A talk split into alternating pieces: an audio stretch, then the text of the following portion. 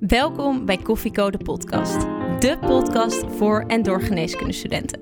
Waarbij wij, gewapend met een kop koffie, voor jou op pad gaan om interviews af te nemen met de leukste, interessantste en meest inspirerende artsen van Nederland. Dit is Koffieko. Hey Ko, ja wat doe je daar? Er staat een carrière voor je klaar. Maar je weet nog niet wat en waar. Een cappuccino maakt het minder zwaar. Zet je volumeknop omhoog. Want je luistert Koffieko en je weet het zo. Papa, papa, ba, da. Leuk dat jij weer luistert naar Koffiecode Podcast. Wij zijn Eva en Tessa met vandaag de gast dokter Van Geffen. Van huis uit anesthesioloog en dagelijks werkzaam als arts in het mobiel medisch team, ofwel MMT-arts van het Radboud Medisch Centrum. De studio bevindt zich vandaag niet in het vertrouwde Utrecht, maar op de vliegbasis in het Brabantse Volkel. Het was nog even spannend of we door de veiligheidskeuring zouden komen, maar we zijn er. Dokter Van Geffen, ontzettend bedankt dat u ons hier wil ontvangen. Leuk dat jullie hier zijn. Ja, want niet iedereen eh, komt de keuring door. U had daar een prachtige Brabantse uitspraak voor. Ja, alleen goede volk komt binnen, ja dat klopt inderdaad. En, en alleen door de achterdeur eigenlijk. Want eh, slecht nieuws komt door de voordeur, goede Ah. nieuws komt door de achterdeur. En mochten wij door de voor of door de achterdeur? Eh, jullie zijn door de achterdeur gekomen. Goed. De vraag die we niet kunnen overslaan, eh, ga ik vandaag in het eh, Brabant stellen.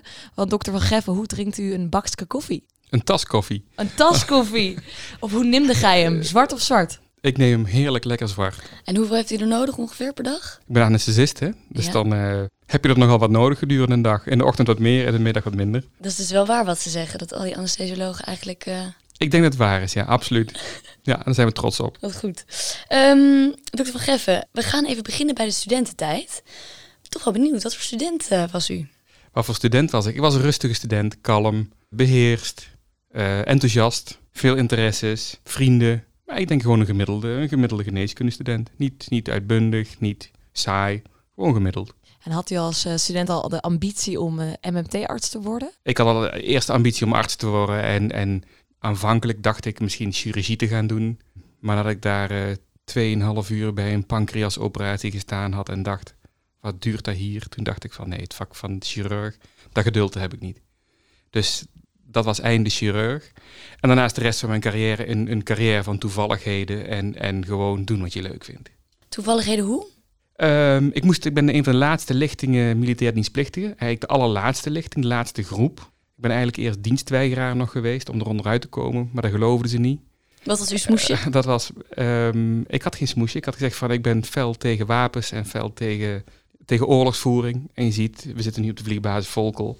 Dus, eh, maar dat geloofden ze niet en terecht dat ze het niet geloofden, want eh, ik geloof nog wel in het leger. En uiteindelijk ben ik beroeps geweest. En om beroeps, waarom? Omdat ik daarmee assistent kon worden in het militair hospitaal. En als niet-beroeps was je veroordeeld tot een kazerne eh, carrière. En dat wilde ik niet. Ik wilde met name gewoon leren, veel door. En ehm, als ik kazernearts zou zijn, dan zou dat, stond ik stil in mijn carrière, stond ik stil in mijn ontwikkeling. En als assistent kon je verder ontwikkelen. Dus dat was de reden voor mij om toen te solliciteren als beroeps. Wat is beroeps? Voor Beroep, een beroepsmilitair. Ah ja, oké. Dus, dus niet eh, dienstplichtig, maar beroepsmilitair. En nu heb je alleen maar beroepsmilitair, maar toen had je dus een dienstplichtig en een beroepsmilitair. En werd u dan beroepsmilitair als, als anesthesioloog? Al nee, nee, nee, nee, nee, nee, gewoon als arts. Dat was je, dat heette BBT'er, beroepsbepaalde tijd. Die tekende voor twee of drie jaar. En dan was je dus arts binnen het leger. Werd je kazernearts of als assistent in het militair hospitaal. Het was allemaal tijdelijke functies. En via die functie kon je eventueel doorgroeien naar medisch specialist als je dat wilde. En heeft u dat gedaan? Nee, het was voor mij op dat moment geen plaats. Ehm was een grote, was een, een grote kort aan opleidingsplaatsen. En, ehm, maar ik wilde door. Ik was assistent anesthesie geweest in het eh, militair hosp- hospitaal. Dat was eigenlijk de enige functie die op dat moment vrij was als artsassistent. Dus die heb ik toen, zeg ik toevalligheden, Ja. die heb ik toen dus gekozen. En ehm, toen was ik artsassistent anesthesie en dat was een geweldige job. En toen dacht ik, hier wil ik mee door. En toen een korte carrière op de intensive care in, in, in Utrecht als, als agnio. En toen snel door naar België, omdat je daar heel snel een opleiding kon als anesthesist. En daar heb ik mijn opleiding gedaan tot anesthesist. En wist u op dat moment al dat de, eh, dat de MMT-arts bestond? Ik wist niet dat de arts, MMT-arts bestond. Ik had al wel als student een baantje bij de ambulancedienst gehad. Dus als student geneeskunde kon je toen de tijd als uh, ambulanceverpleegkundige werken. Als derde, vanaf je derde jaar, na een opleidingsperiode. Dus ik had al twee of drie jaar gewerkt als ambulanceverpleegkundige. Dus die acute uh, geneeskunde die trok me wel enorm. Dus uh, vandaar ook aanvankelijk de, het vak van chirurgie, wat ik, de acute chirurgie, wat me ontzettend trok. Anesthesie kwam je eigenlijk heel weinig mee in aanraking. Had ook geen kooschappen in, deden we helemaal niks in. Dat stond niet op mijn horizon op dat moment.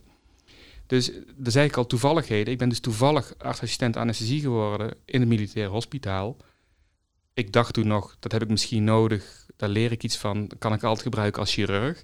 Maar anesthesie was gewoon veel leuker. En toen, u bent blijven plakken. Ik ben blijven plakken, ja. ja. U, bent ook blijven plakken bij het beroep waar u nu bent, als uh, eh, MMT-arts. Um, ehm, denk voor vele mensen toch wel iets onbekends. Zou u kort eens kunnen uitleggen wat, um, wat uw specialisme inhoudt? Nou, we zijn allemaal medisch specialist. Dus uh, na onze geneeskundeopleiding zijn we allemaal eerst medisch specialist geworden. We hebben dus uh, binnen ons team chirurgen en we hebben anesthesiologen. Dat zijn de, het, het moederspecialisme. En vervolgens hebben we aanvullende opleidingen gevolgd en hebben we gesolliciteerd voor deze functie als MMT-arts.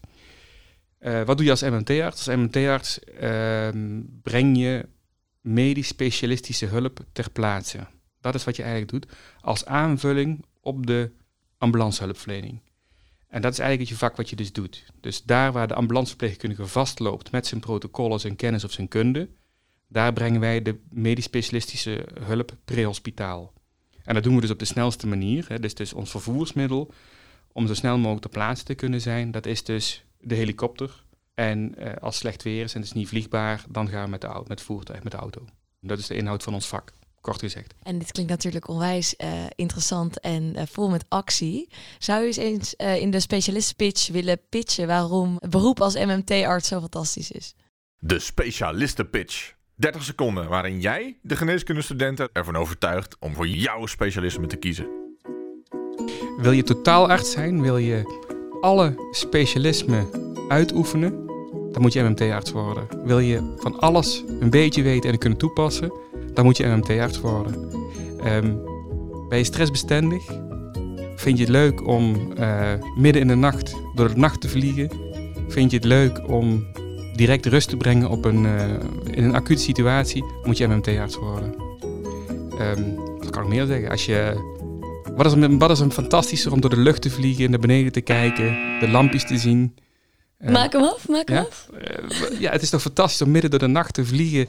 Als je een inzet gedaan hebt, je bent moe, je stressniveaus gaan weer naar normaal toe. En je kijkt naar beneden vanuit de hoogte, je ziet al die mensen vredig slapen dan vlieg je met een fantastisch gevoel vlieg je terug naar je basis. En dan ben je wel moe. En je denkt na, maar je hebt een ongelooflijk fantastisch gevoel. Dus het is, ja, fantastisch, gewoon is een feest. Ja, u, u, u, begint echt te fonkelen als u het over uw beroep heeft. Dat is wel... hoe is het om te vliegen? Uh, normaal nu. Ja, we hebben al zoveel vluchten gedaan. In het begin is het heel spannend. De eerste vlucht is, is gewoon spannend. Er gebeurt in die cockpit ongelooflijk veel. Als je de eerste keer, we zien het ook met observers die een dagje met ons meevliegen in het kader van onderwijs of wat dan ook. Dan zien we ook dat het enorm overweldigend is. Het gaat, de pieper gaat, het gaat supersnel allemaal. Iedereen springt op, rent, uh, doet zijn ding. Het is allemaal heel geprotocoliseerd. Dus alles verloopt volgens procedures. Iedereen heeft in die procedures zijn, zijn rol. En als observer, als je daarbij als, als buitenstaander, zie je het allemaal gebeuren. En die helikopter die start, die, het gebeurt in een flits en je bent weg en je vliegt. En, en hoe was voor u uw eerste vlucht? Uh, bedoel je als observer of vond je als, als, als, uh, als MMT-arts? Als MMT-arts? Als je, we noemen dat losgaan, als je dus een aantal inwerkdagen gehad hebt, je bent helemaal klaar, je cursussen gevolgd, je, je teamgenoten hebben gezegd hij is er klaar voor, ja, dan ga je alleen op weg. En de eerste vlucht is spannend, ja. De eerste twee, drie jaar zijn spannend. Want je weet nooit waar je naartoe gaat. En ehm, het is altijd onverwacht. Het is altijd, je weet nooit je casus. Wat ik al in mijn pitch zei, het is een, een vak. Het gaat van uh, te vroeg geboren, 28-jarigen die thuis geboren worden uh, op een toilet. 28-jarige weken oude baby die je daar uh, moet opvangen en een moeder. Tot ehm, een simpele ehm, ja, pijnstilling, bij een vraag voor pijnstilling bij iemand die thuis is en die, waar ze iemand niet in de badkamer kunnen krijgen omdat hij zoveel pijn heeft. Ja, u beschrijft eigenlijk al een aantal criteria. Dus wat is nou een criteria voor inschakelen van een helikopter? We hebben een uh, landelijk protocol, inzetprotocol. Daar, staan alle, daar weten de meldkamers in wat nou precies de inzetcriteria zijn voor die traumahelikopter. Die zijn vast, vastgelegd in het protocol. Daarop worden we gealarmeerd. Er zijn een heleboel criteria. Dat is val van hoogte meer dan 3 meter, uh, beknelling langer dan 15 minuten, um, kinderen bedreigd in de A, volwassenen bedreigd in de A. Dus heb je een heleboel criteria die allemaal omschreven zijn. Uh, verdenking, dwarslesie, een heleboel criteria vastgelegd. En het gaat er allemaal om die medisch specialistische hulp zo snel mogelijk daar te krijgen om die, die conditie van die patiënt te verbeteren en zijn outcome te verbeteren. Kijk, en die val van hoogte, heel vaak is daar een cerebraal neurotrauma bij. En dan gaat het om zeker van de luchtweg en te zorgen dat die patiënt verder geen secundaire schade oploopt als gevolg van zijn, zijn neurologische schade al van zijn val. U bent anesthesioloog. Uh, wat zijn de handelingen die u mag en kan verrichten in de helikopter? De handelingen die we in een helikopter doen, of op straten hè, of, of thuis, het zijn dezelfde handelingen op de OK. Dus het is exact dezelfde dingen die we doen. We geven narcose ter plaatse, we geven een stukje intensive care behandeling ter plaatse. Maar het kan ook zijn dat je als anesthesioloog bij iemand die bekneld zit met zijn arm in een, in een aardappelrooier bijvoorbeeld, en waar ze de brandweer 2,5 uur nodig heeft om die eruit te halen, dat je iemand een, een blok geeft van een arm, dus een plaatselijke verdoving van een arm, waardoor die arm gevoelloos wordt voor die patiënt. En dat het voor de brandweer de mogelijkheid geeft om die patiënt te bevrijden. Dus het, het zijn exact dezelfde werkzaamheden als op de OK, alleen breng je die nu of op de eerste hulp. Alleen breng je die nu ter plaatse. Wat ik als anesthesist wel heb moeten leren, dat zijn een stukje aanvullende handelingen, dat zijn de chirurgische vaardigheden. Kijk, een, een, een thoraxdrain inbrengen kun je als anesthesist ook. Dat is niet zo moeilijk. Of een chirurgische legweg creëren, dat leer je ook in de opleiding uh, van anesthesioloog. Wat je niet leert als anesthesioloog is amputeren. En dat is ook een handeling die je moet kunnen. Als je iemand snel moet bevrijden en die zit bekneld met zijn been, dan moet je soms een onderbeen of een been offeren om iemand snel eruit te kunnen halen om die te kunnen redden. Deze situatie hebt u meegemaakt? Ja, ja dat heb ik meegemaakt, ja. Dus dat, dat, dat, doe, je, dat doe je. En uh, recentelijk hebben we ook geleerd dat als je bij een, een, een scherp uh, thoraxletsel, uh, een steek in het hart bijvoorbeeld, en je bent erbij terwijl de patiënt overlijdt, dan kun je die patiënt mogelijk redden door snel een thoracotomie te doen en vervolgens die wond in het hart te hechten of, of, of te nieten of, of anderszins dicht te maken. En dan kun je die patiënt redden. Dat is ook een handeling die we nu sinds uh, een jaar of anderhalf, twee jaar uh, ook leren. Op de snijzaal gaan we dat oefenen. Het zijn natuurlijk vaardigheden die als anesthesist nooit doet. Die kun je wel leren. En dan gaan we ervoor naar de snijzaal. En daar oefenen we onder leiding van onze collega-chirurgen die hier ook werken. Die leren ons dit soort vaardigheden. Dat we die ook kunnen. Ik heb het gelukkig niet hoeven doen. Ik heb gelukkig niet hoeven doen. Collega's van mij hebben het wel gedaan. Collega's hier hebben het nu uh, een aantal keer gedaan. En één keer ook met een fantastisch mooi resultaat. Dus, uh, ja. Gaaf. Dus uw wens om vroeger uh, chirurg te worden komt dan nu toch terug in het vak? Een klein beetje, ja, absoluut. Een klein beetje. Ja, wij zijn hier op de, op de luchthaven. We zien de helikopter staan. Hij staat klaar om weg te vliegen. Stel de pieper gaat nu. Wat gebeurt er dan?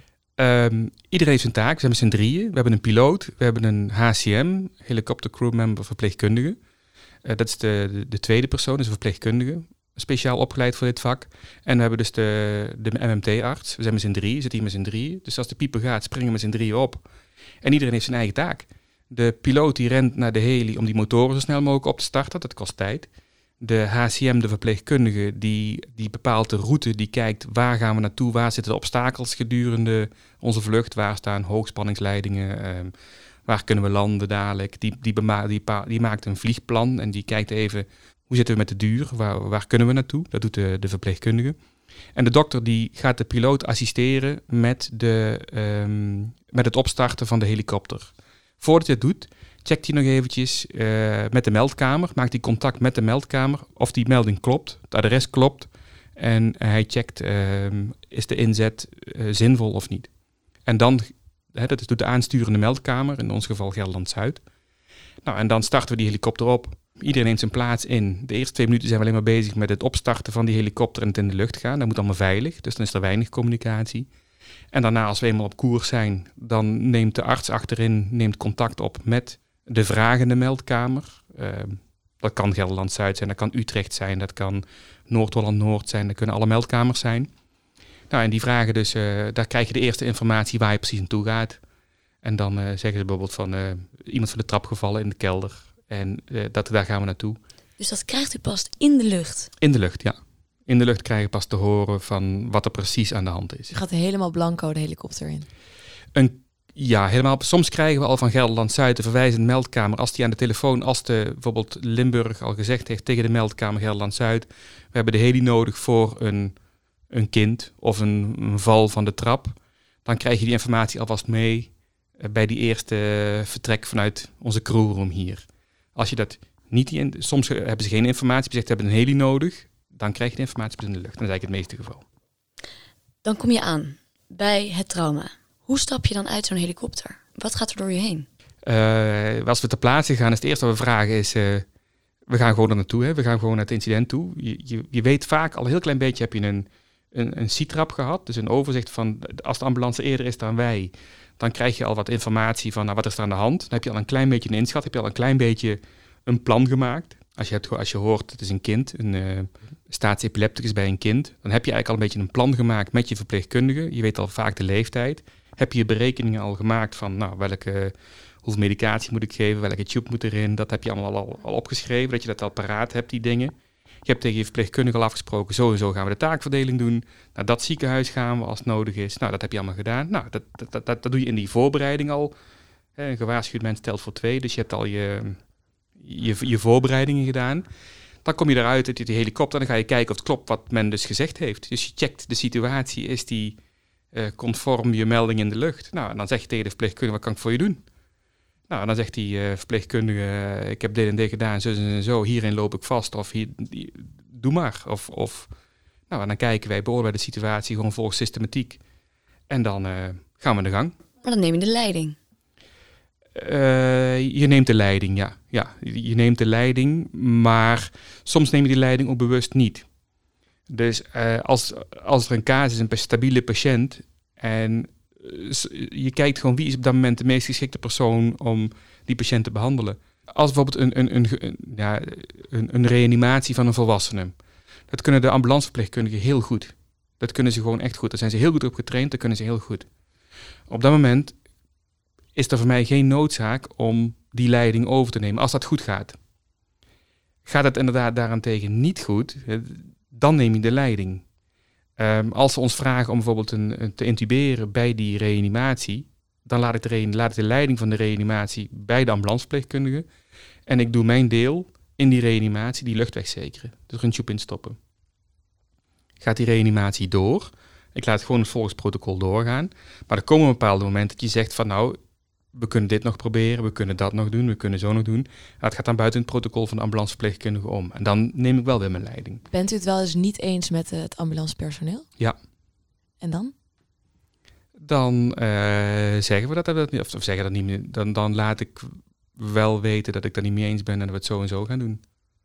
En dan ben ik toch tenslotte medisch specialist en vaak voor die...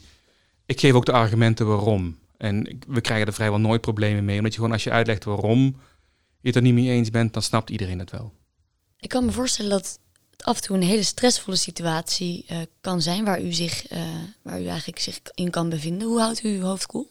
Um, toen ik op de ambulance begon in, in, in, uh, in Helmond Eindhoven, toen had ik daar een oude wijze verpleegkundige en die zei altijd, als je het even niet weet, voel naar je eigen pols. En dat dwingt al vaak, als je, het, als, je dat, als je het even niet meer weet, neem even Even een stapje terug, even nadenken. En dan weer de vol tegenaan. Vaak even het stapje terug doen, even, even nadenken. Dat geeft je weer ruimte om daarna door te gaan. Dus gewoon even een stapje terug doen. Gewoon zeggen van je, pols voelen, je pols voelen of je een stapje terug doen. Dat, en dan weer doorgaan. Even nadenken. U zei ook dat de rust creëren eigenlijk in een, in een stressvolle situatie, dat dat ook een van de dingen is wat u zo, dat zei u in de specialistenpitch. Ja. Um, ik kan me voorstellen dat dat best, ja, dat is best een taak. Uh, ik weet niet of het een taak is. Kijk, die ambulancebemanning die weet inmiddels ook wel wat wij kunnen. Waar we mee samenwerken. Dus die, die ambulance, als we feit dat wij dus al ter plaatse komen met een helikopter, met natuurlijk heel overweldigend als iedereen die helikopter aan hoort komen. Het is enorm overweldigend voor, voor, um, voor omstanders en zo'n familie bijvoorbeeld. Maar als we er zijn met onze oranje pakken en dergelijke en onze apparatuur, ja, het geeft ook rust al meteen. Nu zijn de medisch specialisten er, nu kunnen we het is in goede handen. Het is in goede handen, ja precies. Het is in goede handen. En dat geeft al heel veel rust. En soms kunnen we ook niks meer doen. Maar het feit dat we er geweest zijn en ook hebben gezegd we kunnen niks meer doen, is vaak voor al heel veel mensen al uh, ja, een berusting. Uh, er is alles aan gedaan. hebben alles uit de kast gehaald. En hoe gaat u daarmee om als u niks meer kunt doen? Wat geeft u slapeloze nachten? Tot nu toe nog niks. Oh. Tot nu toe heb ik nog geen slapeloze nachten gehad. Ehm denk ook, we zijn ons allemaal bewust dat je slapeloze nachten van het werk kunt hebben. Eh, dat is ook normaal. We maken eh, ernstige situaties mee. Ehm, we hebben ook eh, ja, hele trieste zaken die we meemaken. Veel verdriet. Ehm, het doet ons zeker, het doet ons vrij bij elke inzet doet het je wat, maar je kunt er professioneel mee omgaan. Er zijn echter situaties die zo overweldigend zijn dat je daar wel eens last van kunt hebben. Dat je daar wel eens kunt zeggen van, ja, het houdt mij bezig. Zou u daar eens een voorbeeld van willen geven? Welke situaties blijven je bij? Ik denk dat vrijwel alle, ik kan vrijwel alle inzetten kan ik reproduceren. Als je dat vraagt. Ik kan ze niet herinneren. Maar een klein moment, een, een, een boom waar je langs rijdt, een huis waar je langs rijdt. Dat kan je soms in één keer weer herinneren aan, oh dat was dat, of oh dat was dat. Dus bewust herinneren van al mijn inzetten kan ik niet. Maar als je even de situatie schetst, dat was die dag, die dingen, oh die. Dan van alle inzetten kun je nog zeggen van, oh dat was daar, oh dat was dat, oh dat was zo. Dus ehm, het komt ook voor dat als je zo'n tien inzet op een dag gehad hebt, dat je s'avonds denkt, wat hadden we nou ook vandaag alweer gedaan? Je gaat gewoon door. Eh, zie het als een boekenplank waar heel boeken op staan. Elke keer komt er een nieuw boek bij. En aan de voorkant valt er weer een boek af. En, en ja, zo gaan we daarmee om. En we hebben gewoon een geweldig team.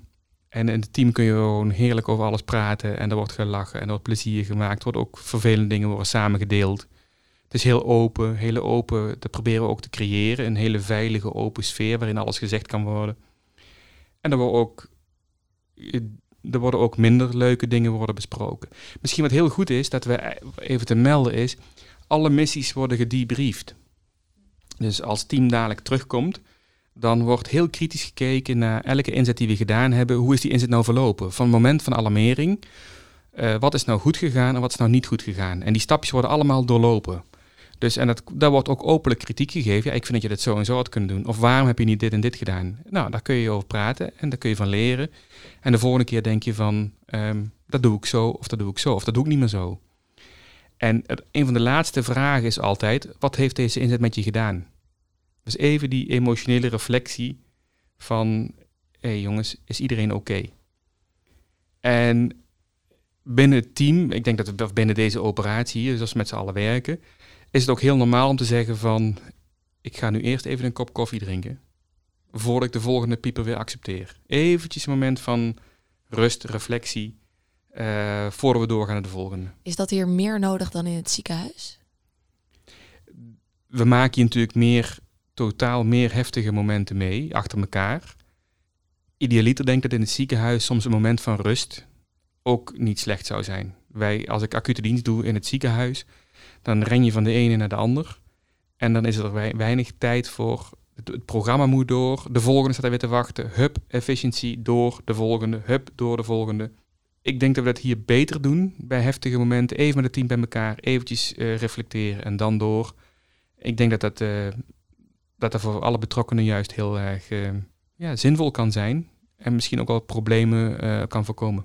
Is er ook een debriefing met bijvoorbeeld de familieleden van iemand die uh, met de helikopter vervoerd is door u? Nee, er is geen formele debriefing. Uh, we bieden wel de mogelijkheid aan dat mensen nog een nagesprek kunnen hebben met ons. Dat bieden we niet actief aan. Dat zou wel een van mijn idealen zijn om nog een keer een, een poli of een, een, een onderwerp of iets te organiseren waarbij mensen, ja, nabestaanden um, of misschien slachtoffers zelf, gewoon een gesprek kunnen hebben van hoe is dat nou gegaan? Wat, wat, hebben jullie ter plaatse nou met mij gedaan? Vaak kunnen ze het niet herinneren. Het zijn traumatische dingen die hun overkomen zijn.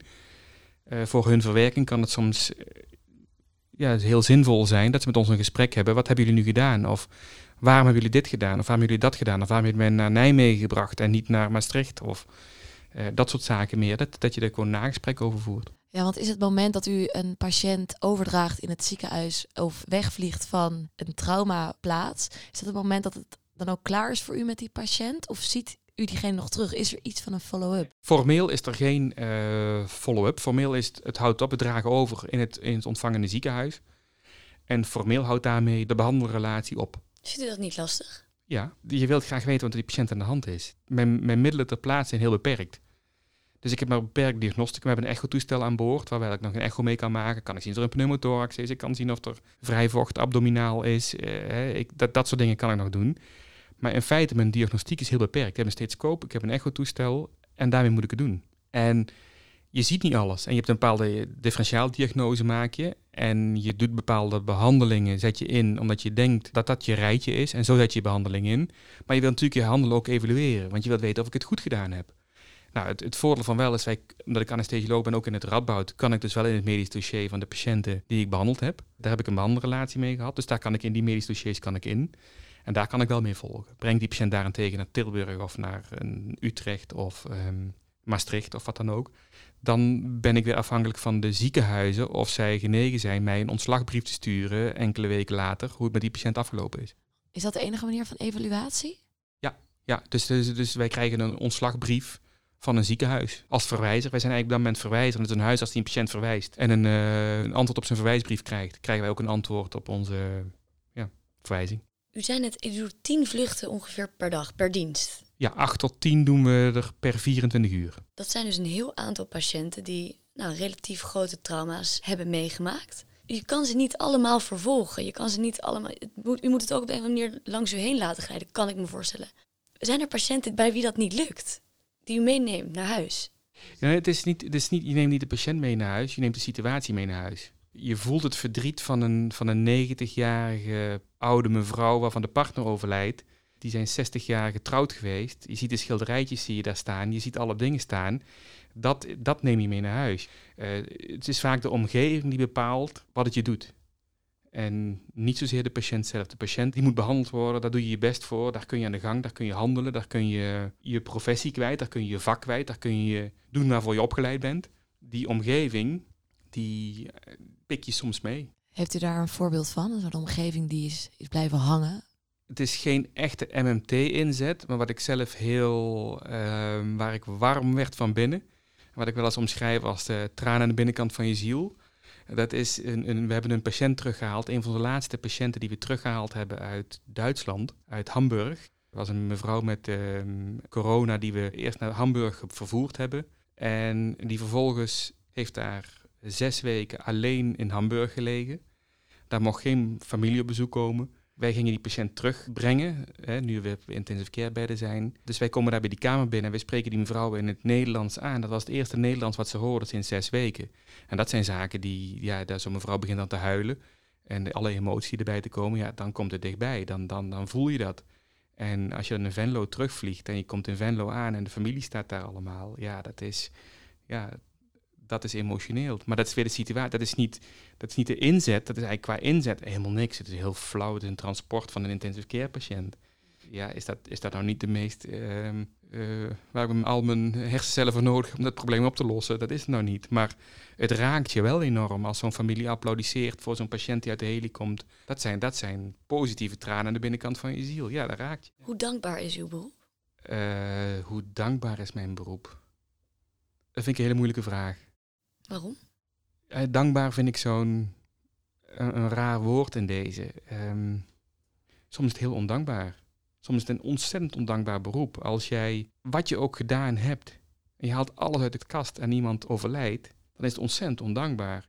Als je ziet hoeveel mensen soms betrokken zijn bij een hulpverlening om één iemand te redden, als je ziet hoeveel mensen erbij zijn en het lukt dan niet, dan is het ontzettend ondankbaar beroep. Daarentegen in hele kleine dingetjes is het een super dankbaar beroep. We hebben ook patiënten waarbij, ja, als je er één minuut later geweest was, de patiënt overleden. Met een hele simpele handeling red je een patiënt. Dan is het een super dankbaar beroep. Dus het is, wat is nou dankbaar? Het is allebei. Hoogte- en dieptepunten. Ja, absoluut. Ja. En wat is een dilemma waar u tegenaan loopt in uw vak? Dit vak is vol dilemma's. Een voorbeeld. Wat doe je met een 92-jarige patiënt die van de trap gevallen is? Je komt daar aan, er ligt iemand onder de trap, ambulance is gewaarschuwd, een hoop familie erbij, iedereen is erbij, buren staan buiten te kijken, jij komt daar aan, je maakt je diagnose, je ziet iemand snurkende ademhaling, je doet je onderzoek, de patiënt ligt er al twee uur en je kijkt naar de pupillen en je ziet aan beide kanten twee grote, wijde, lichtstijve pupillen. Doet even kort anamnese, je hoort dat hij atriumfibrilleren heeft, centrom gebruikt, je checkt of het inderdaad die van die hoogte gevallen is. Ja, die is van die hoogte gevallen. Je ziet een, een hypertensie, je ziet een bradykardie. dat maakt het plaatje compleet van we hebben hier te maken met een ernstig intracerebraal letsel met een hoogstwaarschijnlijk infauste prognose. Dan heb je een dilemma. Het protocol zegt, we gaan die patiënt intuberen, we gaan hup met z'n allen er bovenop en we gaan naar het ziekenhuis met die patiënt en daar gebeurt precies hetzelfde. We gaan CT's maken, we gaan van alles doen. En dan komen we uiteindelijk twee uur later of anderhalf uur later tot de conclusie, prognose is infaust. Dat is een dilemma. Ter plaatse wist ik eigenlijk al dat die prognose infaust zou zijn bij een 92-jarige patiënt met dit hele verhaal. Je zou er ook voor kunnen kiezen, misschien met de familie in gesprek te gaan en te zeggen van, zullen we deze patiënt thuis laten en de familie vragen om, om hier een, een warm afscheid van eh, te nemen. Ik weet niet hoe het gaat lopen, maar de kans is heel groot dat iemand komt te overlijden. Is daar ruimte voor? Ehm, of moet het protocol worden gevolgd? Een moeten kennen wij niet. Ehm, het hangt een beetje af van hoe je als zelf als dokter daarin staat. De ene keer doe je het wel. Als je een familie hebt die al meteen zegt, dit, dit wil ons vader, wil dat niet. Ons papa wil, zou dat nooit gewild hebben. Dan kun je ervoor kiezen, samen met de familie en een aanwezige huisarts, zou je zo'n zo'n beslissing kunnen nemen om te zeggen van, we laten de patiënt thuis. Maar doe het altijd gezamenlijk met je team. Ik kan me wel voorstellen dat als je eh, aankomt en er zoveel omstanders zijn, familie en buren, dat je ook enig, enige druk voelt om... Nee, druk voel ik daar niet. Nee, nee, nee, nee, nee, nee. nee. nee daar ben je professioneel genoeg voor. Dat, dat die druk van, van, van familie, dat, dat zijn we al... eh, Dat staat uit. dat staat uit. We gaan voor die patiënt. Dokter Geffen, even iets heel anders. Ehm, ik denk dat het ook heel, heel goed is om te horen van wat voor eigenschappen moet je nou hebben om, om MMT-arts, een goede MMT-arts te zijn? We hebben een eh, psycholoog eh, bij ons, die, die houdt het team in de gaten. Een psycholoog die doet eh, één keer in zoveel tijd doet hij een screening, maakt hij met jou een babbeltje van hoe gaat het met je. Die vraagt niet naar wat is nou het meest erg wat je overkomen is deze. Daar vraagt hij allemaal niet naar. Die vraagt alleen maar hoe gaat het met je. En die maakt gewoon een, een babbeltje. En hij zegt altijd, de grootste gemene deler van de MMT-artsen, het zijn oerzaaie mensen. En waarom zijn ze oerzaai? Ze zijn huisje, boompje, beestje. Ze zijn vrijwel allemaal eh, getrouwd, hebben kinderen. Ze doen allemaal aan sport. Ze hebben allemaal een ruime vriendenkring. Ze gebruiken geen drugs, gebruiken niet overmatig alcohol. Ehm, het is een hele saaie groep mensen. En dat is eigenlijk de, de grootste gemene deler van de MMT-artsen. Past u ook in deze deler? Ja.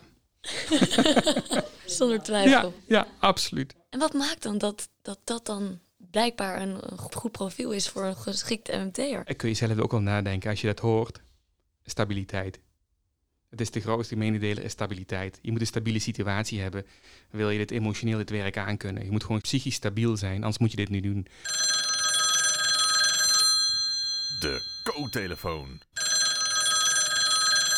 Ja, we hebben voor het eerst in een lange tijd eh, weer een co-telefoonvraag. En eh, die luidt als volgt. Wat is de gekste plek waar u ooit bent geland? Wij landen op ehm, hele kleine plaatjes. Ja, dat, dat verzin het. We kunnen die helikopter overal neerzetten. Ehm, in de gevangenis, in Vught. Een hele bijzondere plaats. Als je op een binnenplaats landt van een, eh, van een gevangenis. Een extra beveiligde inrichting. En je wordt omringd door allerlei bewakers met eh, grote bewapening. Dat is heel bijzonder als je eruit stapt. En het is ook heel bijzonder als je s'avonds landt op een grasveld, wat je denkt dat een grasveld is. En je ligt dat aan en je ziet allemaal naakte mensen lopen. Dan denk je in eerste instantie van, heb ik dit nou goed gezien? Twijfel ik aan mezelf? Je hoort je collega's roepen, volgens mij landen we eh, bij een sauna. En je stapt uit en je ziet allemaal naakte mensen op een grasveld staan bij een sauna. Ja, dat is ook een hele bijzondere plaats. Dus dat, zijn, dat zijn wel rare plaatsen waar we landen. Ja, Ja, dat kan ik me wel voorstellen. Ja. En, en, ehm, en de helikopter zelf, hè? Hoe, hoe snel ga je nou? Afhankelijk van de windrichting. Heb je wind tegen, ga je minder hard. Heb je wind mee, dan mag je de, de, de windsnelheid erbij optellen. Dus eh, gemiddeld zo'n 250 km per uur. Dat is de, de snelheid ongeveer waarmee we eh, koersen. Voel je dat ook als je in een helikopter zit? Des te hoger je vliegt, des te minder je het gevoel hebt dat je hard gaat. Dus dan wordt de afstand naar de aarde groter, dus dan heb je minder het gevoel van besef van snelheid. Kom je daarentegen hier aan op de baan, vlieg je heel laag over de baan, dan denk je ja, het gaat hard. En wat is uw record aanvliegtijd? Noem je dat zo? Aanvliegtijd? Eh, aanvliegtijd is bij ons de tijd van moment van melding tot aan aankomst bij de patiënt. Ehm, dat was één minuut, denk ik. Dat was dat we op terugweg waren van het Radboud naar hier. En we krijgen een melding van de motocrosser op een, een motocrossterrein. En ja, we vlogen erboven en we konden de helikopter neerzetten. En dan zijn je bij eerder de ambulance te plaatsen. Ja, dat was één minuut, denk ik. Oké. ehm, u kunt mooi over uw beroep vertellen en u heeft er volgens mij heel veel plezier in. Maar zijn er ook minder leuke aspecten aan uw eh, vak? Eh, ik, in eerste instantie zou ik zeggen meteen nee. Maar als je natuurlijk wat dieper nadenkt, zit natuurlijk ook wat nadelen aan ons vak. Het is, is super onregelmatig werk. Dat maakt het eh, soms lastig. Wij werken natuurlijk in 12, 13 uur shifts. We beginnen om half zeven s morgens beginnen we. Dan hebben we de overdracht tot 7 uur. Dat is de overlap tussen de twee teams. En om 7 uur begint precies begint onze dienst, onze dagdienst. En je bent om 7 uur klaar. Dan neemt de andere dienst het weer over. De nachtdienst neemt het over. Alleen als jij met je helikopter in West-Brabant staat en die patiënt moet naar Rotterdam, dan komt die tijd er gewoon bij. En dan vlieg je naar Rotterdam toe om die patiënt naar Rotterdam te brengen. En vervolgens moet je terug naar Volkel. Maar komt er weer een inzet op je terugweg in Tilburg, dan pak je die ook mee. Dus je eindtijd, die is er niet echt. Het is eigenlijk formeel zeven uur, maar het kan best zijn dat je om half tien terugkomt. En dan moet je nog je administratie doen. En dan moet je nog je spullen in orde maken. Dan kan het best zijn dat je met die thuis komt. Dus ik weet als ik dagdienst heb, eh, s'avonds eigenlijk niks meer kan organiseren thuis. Dus dat, dat is een groot nadeel. Wa- Want u, u stijgt naar ongekende hoogtes dagelijks. Ehm, is er een hoogtepunt op in uw carrière tot nu toe? Goh, dat is een moeilijke vraag. Ik heb gewoon een, ontzettend leuke carrière. Wat ik al zeg, ik laat mijn carrière niet leiden door carrière. Ik laat mij leiden door wat is leuk. Wat is leuk om te doen, wat is interessant om te doen.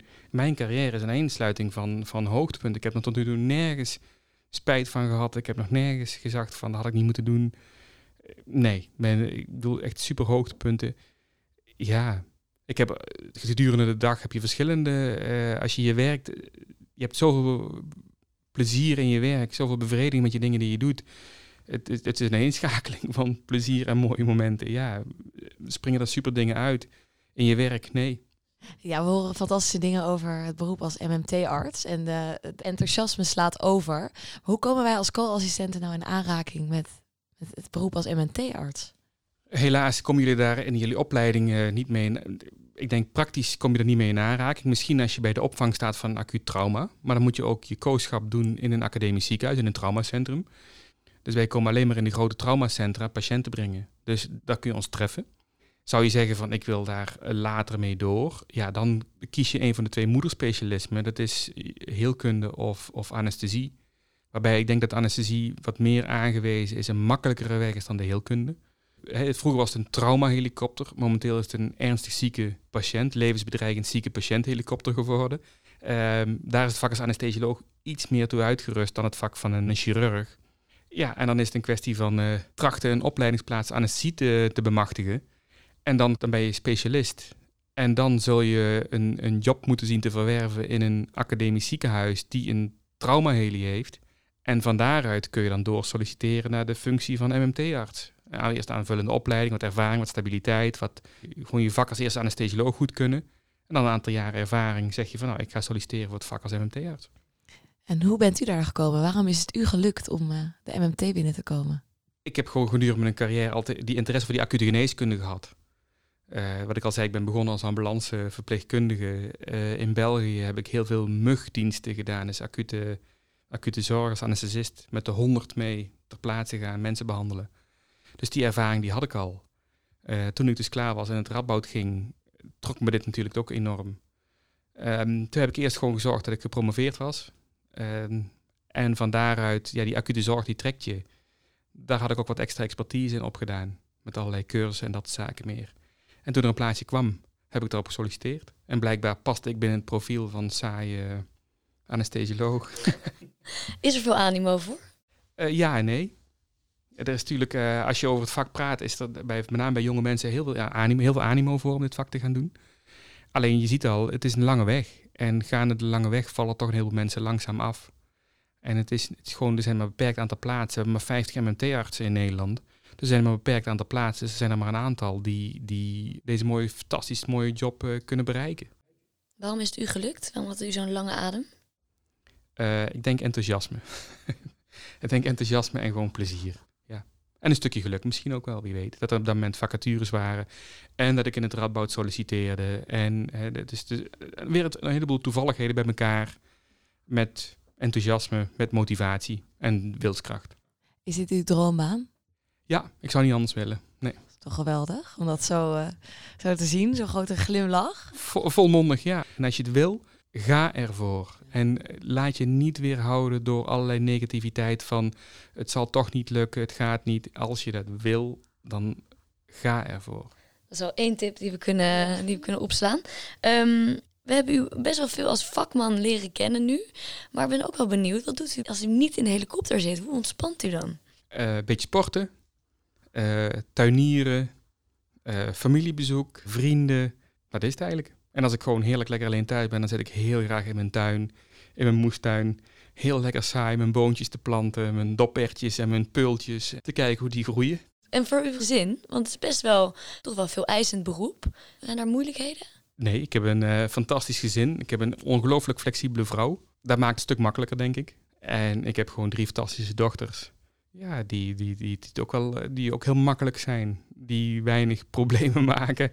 En die, het ook, die, die mij kunnen volgen hierin. En ik kan gewoon thuis vertellen en ik kan gewoon doen. En ja, Klinkt hartstikke stabiel. hartstikke ja, ja. Maar niet saai. Precies wat je nodig hebt. Ik denk eh dokters dilemma, Eve. Zeker. We hebben een aantal dilemma's eh, voor u. Mag u gewoon zo snel mogelijk eh, zeggen wat u nu opkomt en wat het beste bij u past? Dokters dilemma. Het doktersdilemma. Het leven bestaat soms uit lastige keuzes. Denk niet te lang na en geef snel antwoord. In actie in een helikopter of baas op de OK? Actie in helikopter.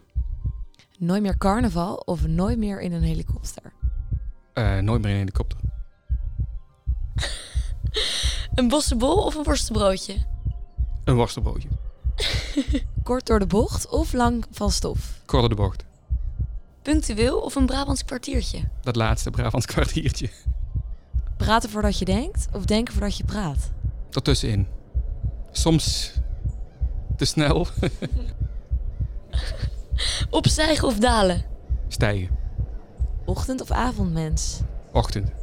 Altijd op zoek naar spanning en sensatie of met de benen omhoog op de bank? Het eerste. Conflictvermijdend of recht voor zijn raap? Als Brabander eh, conflictvermijdend, soms recht voor zijn raap. Wauw. Nooit meer carnaval of nooit meer helikopter in en dan kiest u voor carnaval. Nee, ik kies voor de helikopter. Oh, dat u Ja. wel de Ja, ja, helikopter mag zeker, blijven. ja, Oh, oké. Oh, Bent u een carnavaller? nee, Nou, kijk, dat was dus eigenlijk een heel, heel makkelijk dilemma. nee, ik houd meer van de sport. Ja, wat voor sport doet u? De wintersport dan natuurlijk, hè. U bent een skier? Ja. Ja, gaat u elk jaar op wintersport? Elk jaar. Ook met de helikopter wel skiën? Nee, maar toevallig kwam ik een oud collega wel tegen in Oostenrijk. Een oud piloot die hier gewerkt heeft. Die is nu baas van de helikopterservice in, in, in Oostenrijk. En ik heb wel gedacht van ik ga een keer daar combineren, een skivakantie combineren met een, eh, een bezoekje aan de helikopter en een keer meevliegen daar. Ja, want als u nu eh, de helikopter ziet landen op de piste, gaan dan uw handen jeuken of kunt u er vanaf blijven? Eh, nee, dan ga ik wel even kijken. Ja, dat gaat u. dat begrijp ik, ja. En het Brabants kwartiertje, want je kan toch niet, ehm, terwijl mensen aan het wachten zijn met de heli, dat je nog even zegt, ik, ik drink nog even mijn koffietje op. Ik ben wat te laat. Ja, maar wel een Brabants kwartiertje, doe me dan maar rustig. Komt allemaal goed. Ah, Dat is, dat is het Brabants kwartiertje. Oké, oké. Oké. ehm, Ik heb nog wel een vraag die ik eigenlijk wil stellen. Ehm, u bent van huis uit anesthesioloog en u werkt als MMT-arts. Maar combineert u het nu of bent u iedere dag MMT-arts? Nee, combineren. Dus we hebben allemaal combinatiefuncties. Dus we werken ongeveer 50-50, 60-40. Eh, Dus deels werk ik in het Radboud als anesthesioloog. En de andere tijd werk ik hier als eh, MMT-arts. We hebben allemaal een combinatiefunctie. Er is genoeg afwisseling. Er is superveel afwisseling.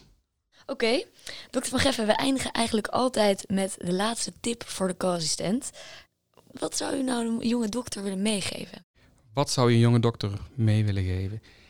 Doe wat je leuk vindt en volg je idealen. En ga, ga er gewoon voor en laat je niet weerhouden door perikelen als eh, er is geen job te vinden en er zijn geen banen en dat is saai. Doe wat je hart je ingeeft en plan niet te veel. Doe gewoon wat je leuk vindt en dan komt allemaal goed. Dat is natuurlijk een hele mooie om het interview eh, mee af te sluiten. Dokter Van Geffen, dank dat wij eh, vandaag hier mogen zijn en dat u ons heeft willen rondleiden op de vliegbasis in Volkel. Wij zijn eh, veel wijzer geworden over het beroep als MMT-arts en we vonden het hartstikke leuk. Bedankt voor het luisteren en tot de volgende keer bij Koffieko.